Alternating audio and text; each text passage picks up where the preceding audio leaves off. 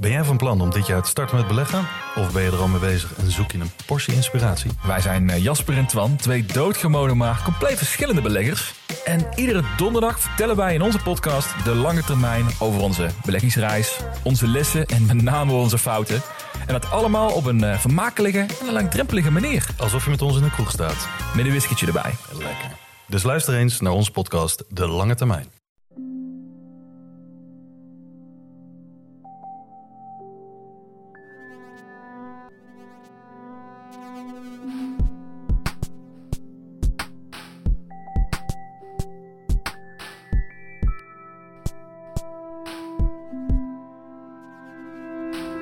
Welkom bij Relaas, waarin iemand een verhaal vertelt over iets dat hij zelf heeft meegemaakt. Wij geloven dat je met iedereen overeen kan komen als je maar zijn verhaal kent. Nu, om Geert Ruijs sympathiek te vinden moet je echt niet veel moeite doen. In haar verhaal staat muziek en zingen centraal. En zeg nu zelf, muziek, dat slaat bruggen tussen alles en iedereen. Ook zingen, daar heb je niks voor nodig, behalve je eigen stem en je eigen sympathieke zelf. En dat vindt ook Geert Rij. Zij doet er alles aan om met haar vrienden samen te kunnen zingen. Want zingen is voor haar een heel belangrijk deel in het leven.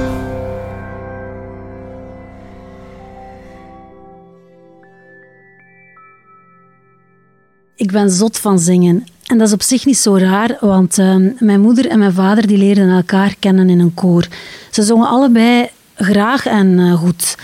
Mijn vader ehm, is ondertussen 80 en ehm, hij zingt niet meer zo stemvast. En ik heb de indruk dat hij dat zelf niet zo erg vindt, maar ik vind dat echt wel een beetje spijtig, want ik zong wel heel graag samen met hem. En mijn moeder die is ondertussen al uh, 15 jaar geleden gestorven. En ik vind het eigenlijk een beetje choquant hoe dat uh, mijn herinneringen aan haar vervagen.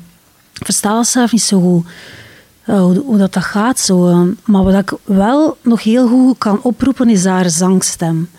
Ze kon een stuk hoger zingen dan mij. En ze zong zo... Ik zie haar ook nog altijd in de keuken aan het koken en dan zo meezingen met de, met de liedjes van Clara. Omdat ze dat ook allemaal kon van buiten meezingen. Ze hadden zo'n heel goed allee, uh, geheugen voor muziek. Geen partituren en zo, maar gewoon, dat zat, dat zat in haar.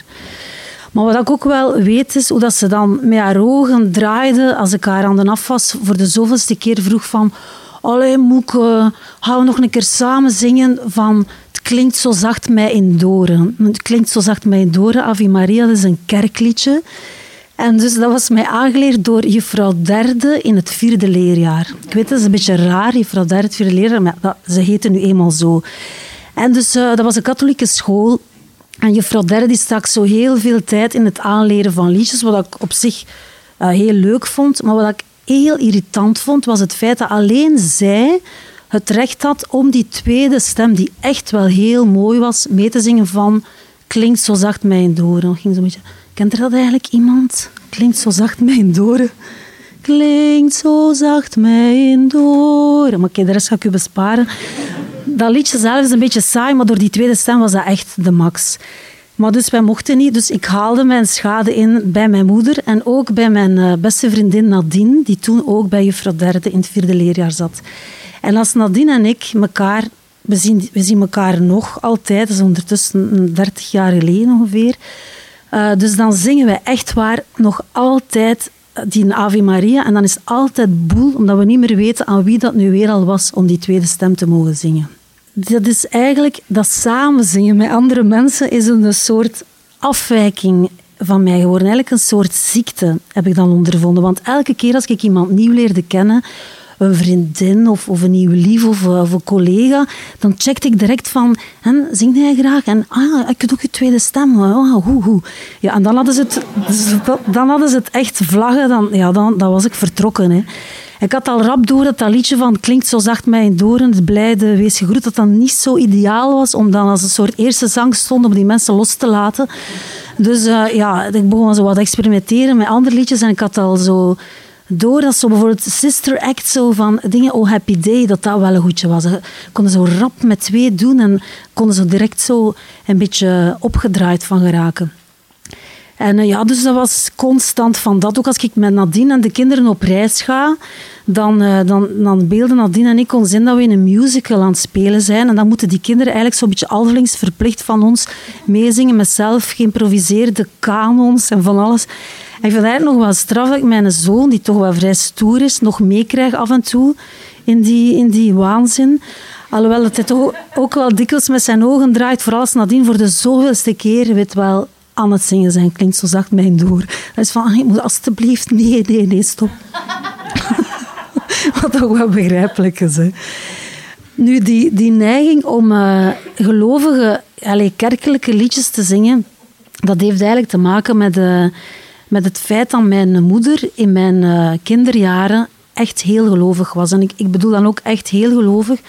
Want het heeft uh, eigenlijk geen haar gescheeld of mijn, uh, mijn vier broers, mijn zus en ik. Nou, ze toch wel aardig wat kinderen gemaakt. Maar dus het heeft eigenlijk geen haar gescheeld of, of uh, wij waren er niet. Want mijn, mijn moeder wou eigenlijk non worden. ze gaf ook al haar zakgeld aan de bedelaars als kind. En ze heeft mij eigenlijk ook verteld dat ze dus in haar puberteit hele lange liefdesbrieven schreef naar God. Echt waar. Ze heeft die jammer genoeg weggesmeten, dus ik heb die dan nooit meer kunnen lezen, maar dat eigenlijk nog wel echt graag, allee, toch nog een keer als, als herinnering nog eens ingesnuisterd. Maar goed, dus het is vrij logisch dat er dus in de woonkamer in mijn kinderjaren uh, gelovige liedjes werden gedraaid. Maar je moet je voorstellen, dat waren zo'n beetje de jaren zeventig. Dus dat waren zo'n beetje hippie-achtige gelovige liedjes. Uh, zo van uh, Jesus Christ Superstar. Hè? En ook van Ellie en Rickert. Ik weet niet of je die kent. Dat is zo een klein beetje, toch maar, een beetje een speciaal, laten we zeggen, Hollands koppel, die zo aardig wat katholieke liedjes in hun, uh, in repertoire hadden. Onder andere van Sta nu op, neem je bed op en wandel, want de tijd van sla... Oké, ik zal stoppen. Maar uh, dus, uh, voilà, dat soort liedjes. En dus, um, ja, en ook uh, had moeke beslist om elk jaar de gezinsvakantie te laten doorgaan in Tezé. En Tezé, dat is een uh, gelovige ecumenische gemeenschap, gesticht door een zekere uh, broeder Roger in 1940, die daar mensen die op de vlucht waren voor de oorlog opgevangen heeft, heel veel Joden. Maar die plek is dus tot op de dag van vandaag zeer populair is, eigenlijk zelfs een beetje geëxplodeerd, want daar, daar komen nu echt honderdduizenden jongeren op af. Um, en ik weet niet of het nu nog zo is, maar dus in de tijd dat ik daar was met mijn uh, voltallige gezin, um, dan konden daar zo uh, morgens de liederen gaan inoefenen die dan in de namiddagmis werden gezongen. En ik ging daar dus geheel vrijwillig als tienjarig meisje naartoe. Je moet je voorstellen, dat zo zo'n 70s-achtige laaggebouwde kerk met oranje doeken en heel veel kaartjes en zo van die houten bankjes waar je zo met je knieën op de grond moest zitten, die eigenlijk zo nog wel gemakkelijk zaten. En dan waren dat zo van die Latijnse uh, mantra-achtige kanos van Jubilate. En ik zat daar en ik oefende dat in en ik, ik herinner me echt dat ik kippenvel kreeg van daar zo tussen al die onbekende mensen te zitten die er samen aan het zingen waren, die harmonie. En voilà. Dus dat was mijn uh, jaarlijkse gezinsvakantie. Ik vond het zeer goed. Ik denk ook dat dat ook wel een beetje te maken had met het feit dat daar ook wel zo heel veel schone jongens rondliepen met lang haar. Zo in die tijd vond ik dat eigenlijk wel mooi. Zo, ik zal daar nu niet meer opvallen, denk ik. Nee, ik zal daar nu niet meer opvallen. Um, maar, uh, maar toen dus wel. En dus uh, ja, dat was ook wel toch een deel van de magie. Maar ook herinner ik me echt het geluk dat van mijn moeder afstraalde van daar te kunnen zijn. Zij met haar man, met mijn vader en met haar, uh, met haar zes kinderen. Ja, die, die, die, die genoot daar echt zo van dat ik daar eigenlijk ook wel echt deugd van had. Zo. Mijn moeder had eigenlijk beslist om niet in de kerk begraven te willen worden toen ze ziek werd, omdat zij eigenlijk op, uh, op een bepaald moment haar geloof compleet verloren is. Ik moet dan zo'n jaar of twaalf geweest zijn. Maar dus dat was eigenlijk een hele bruske kentering, althans zo kwam dat toch voor mij over. Um, ik heb daar met haar heel veel over gesproken en ze, blijkbaar was ze daar al heel lang zo een beetje op... Uh, op aan het, zo beetje over aan het piekeren. En bleek dat ze zo op een bepaald moment toch uh, was beginnen inzien dat dat hele verhaal van die erfzonde en het feit dat die uh, katholieke kerk haar met zoveel schuldgevoelens had opgezadeld. Vond ze eigenlijk op een bepaald moment totaal niet kunnen. En ze was echt heel, heel kwaad geworden op de kerk. En toen is ze zo'n hele eigenzinnige zoektocht beginnen afleggen. Ze is dan zo wat in boeken over het boeddhisme beginnen lezen. En op een bepaald moment is ze zo een beetje beginnen flirten met Bhagwan. Ik weet niet of je die kent. Ze was zo'n jaren tachtig-achtige uh, guru. Uh, later heeft hij zich Osho genoemd. En ja, die, die filosofie was zo een beetje boeddhistisch eigenlijk wel. Um, totaal verschillend met wat, wat de katholieke kerk vertelde. Maar mijn moeder ging daar toch eigenlijk nog wel vrij ver in, want zij begon zich ook zo in het oranje en in het rood te kleden.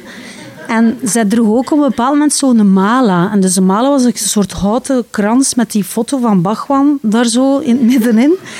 En dus op die manier kwam zij mij halen, eigenlijk te midden van mijn puberteit, moet je je voorstellen. Dus nu, ik deed of dat ik dat irritant vond, maar eigenlijk moet ik toegeven dat ik dat... Ik vond dat eigenlijk wel cool, dat mijn moeder zo die... Uh, op haar manier zo die rare zoektocht aan, aan het afleggen was. En het is ook wel zo dat Bachwan in die jaren ook wel vrij hip was, want uh, Diana Ross was uh, bij Bachwan. en Ramses Shaffi uh, was bij Bachwan.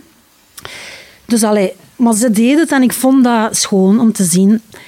En dus toen ze 65 werd en een kanker kreeg, vrij plots, en ook, dat is ook allemaal heel snel gegaan veranderde ze toch plotseling weer niet van gedacht. Dus ze, was eigenlijk van plan om zich te laten cremeren in, uh, in uh, wat is dat, Locristi. Hè?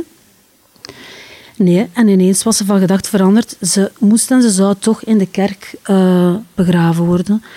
Ze wilde daar ook niet zoveel over vertellen en zo. En ja, we lieten haar... Allee, het, we vonden goed dat ze, dat ze dat zelf koos.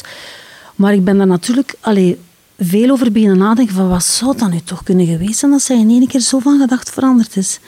En ik denk dat ik het weet. Volgens mij heeft het alles te maken met een zekere Julien. En Julien dat was uh, een priester waar ze in haar gelovige jaren platonisch verliefd op was.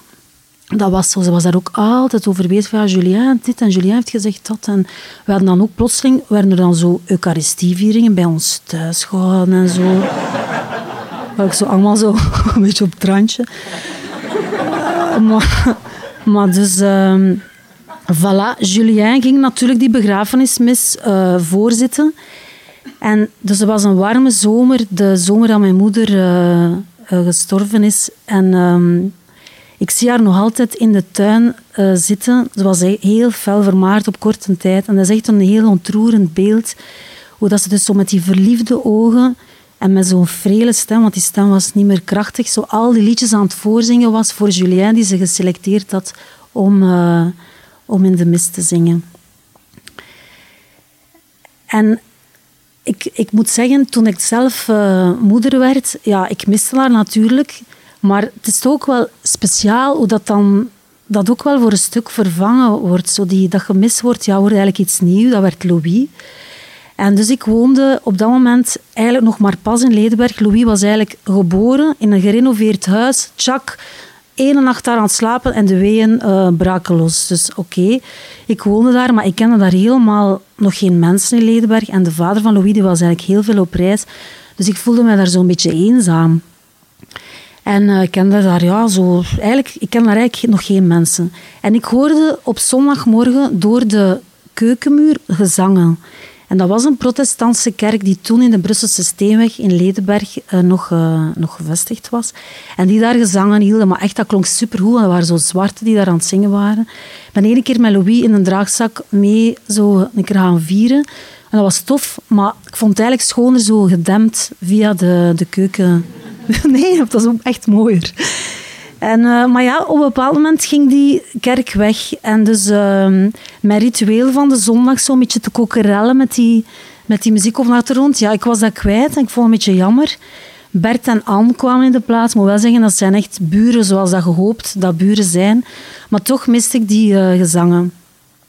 En dan ben ik ineens geheel impulsief zelf begonnen met zondagse zangstonden te organiseren. Ik had ineens een slogan, zo van... Je hoeft geen kerkganger te zijn om te zingen met brood en wijn. en voilà. en dus ik, ik, ik, voilà, ik ging dat doen. Maar uh, ik had daar ook al een naam voor gevonden, Zie ze zingen, want ik heb zo'n uh, televisieproductiehuisje, dat is mijn, mijn werk, en dat genoemd Zie ze doen. Ik dacht, oh, dat klinkt nog goed, Zie ze zingen. Maar het is natuurlijk niet omdat je al een naam gevonden hebt voor een uit de hand gelopen hobby, dat er daar mensen alleen naartoe gaan gaan. Dus in ieder geval, dat zo te beseffen, ik zo, oei, flyers beginnen uitdelen, de Gentenaar opgetrommeld. Eh, ik was op dat moment met, uh, met Paul de Leeuw aan het werken. Ik zo de hele tijd aan het zagen van, toe Paul, neem de promotje op bij je thuis met je iPhone. Dat is toch hier, oh, oké. Okay.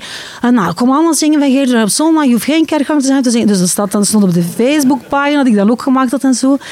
Oké, die, deadline begon te na. En ik zo van, oh, stop, waar ben ik mee begonnen? En ik was zo zenuwachtig geworden dat ik mijn stem was kwijtgeraakt twee dagen voordat het zover was. Dus ik moest sali-thee drinken op advies van allerlei zangcoaches. En zo. Je moet sali-thee drinken, maar je moet vooral zwijgen. Dat is nu voor mij nu ook niet zo gemakkelijk. Enfin, dus die stem was terug en dan was dat in volle spanning afwachten.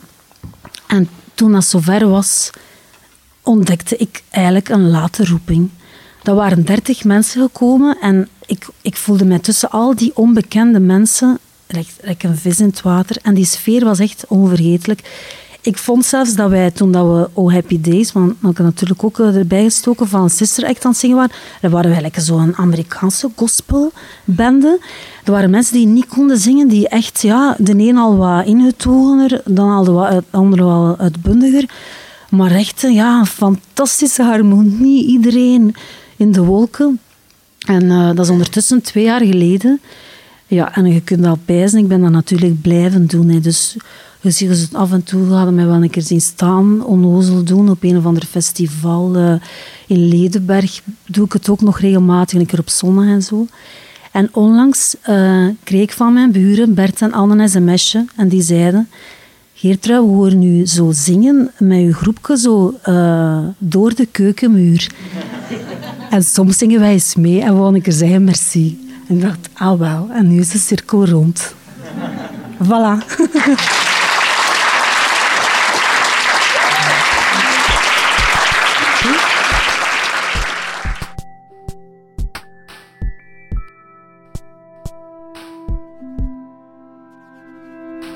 Dat was het relaas van Geertrui. Ze vertelde het in de oude bibliotheek van Gent, dat heet nu Nest. Het was op het podcastfestival in december 2017. Nu, moet ik wel erbij vertellen, Geertrui had dat verhaal al eens verteld. Ze had het eens verteld op Backtracks. En Backtracks is het uh, verhalenfestival in Gentbrugge dat we samen met Urgent FM en het buurtwerk van Gentbrugge hebben georganiseerd. Maar ze wou dat verhaal graag nog eens opnieuw doen, speciaal voor het podcastfestival en het publiek vond het fantastisch. Geertrui, ze heeft het in haar verhaal verteld. Zij is documentairemaker. Ze heeft onder andere de bende van Wim, dat is met Wim Obroek. Eh, de bende van Wim, dat heeft zij gemaakt. En als er nu één eigenschap centraal staat bij een goede documentairemaakster, dat is dan wel dat ze nieuwsgierig is. En eh, dat kan wel over Geertrui gezegd worden. Eh, je gaat niet voor niets de zondag met jouw oor te luisteren aan de keukenmuur luisteren welke liedjes er gezongen worden in de kerk ernaast zingen en muziek. Het is dus iets universeels. En ik kan me inbeelden dat jij misschien ook wel een verhaal hebt over muziek of over zingen of iets dat erbij aansluit. Je kan het altijd laten weten. Wij zijn altijd op zoek naar goede verhalen. Stuur ons een berichtje. Dat kan via Facebook, dat kan via onze website. En dan bellen wij jou eens op en dan spreken we af voor een koffie. En voor je het weet, dan sta je bij ons op het podium. Je krijgt een verhalencoach toegewezen en die verhalencoach gaat met jou aan de slag met jouw verhaal. Zorg ervoor dat het goed duidelijk is van structuur, dat het aankomt bij een publiek, dat het alles bevat wat een goed verhaal nodig heeft. En uh, samen met die verhalencoach maak jij jouw eigen relaas. Relaas is een productie van Na Onze Zondvloed. We zijn met 15 medewerkers die allemaal voor het plezier Relaas maken. Uh, wij zorgen er samen voor dat je elke maand live kan komen luisteren naar onze verhalen. Daarnaast hebben we elke week voor jou een podcast. En nu zitten we ook op Instagram en Facebook met onze verhalen. Dus daar kan je ook mensen leren kennen aan de hand van hun verhaal. En we zitten ook nog eens op YouTube. Dus nu hoef je geen podcast-app meer te downloaden op je smartphone als je per se onze verhalen wil uh, luisteren. Je kan je gewoon abonneren via YouTube op de Relaasverhalen. Ons team bestaat uit Evita Nocent, Anneleen Schelstraten, Timon van de Voorde, Sarah de Moor, Charlotte Huigen, Wouter Dupré, Sarah de Smet, Egwin Contier, Lee Haman, uh, Dieter van Huffel, Ruby Bernabeu Plaus, Stefan Grijaert, Sarah Latree, Philip Cox, Marleen Michels, Katlijn de Vries, Steve Konaar en ikzelf ben Pieter Blomme. En ken je zelf iemand die goed kan zingen? Stuur hem dan alsjeblieft dit verhaal door. En op die manier verspreid je de goede boodschap van Relaas. En dan verspreid je ook de happy days en de goede vibes. Dankjewel daarvoor.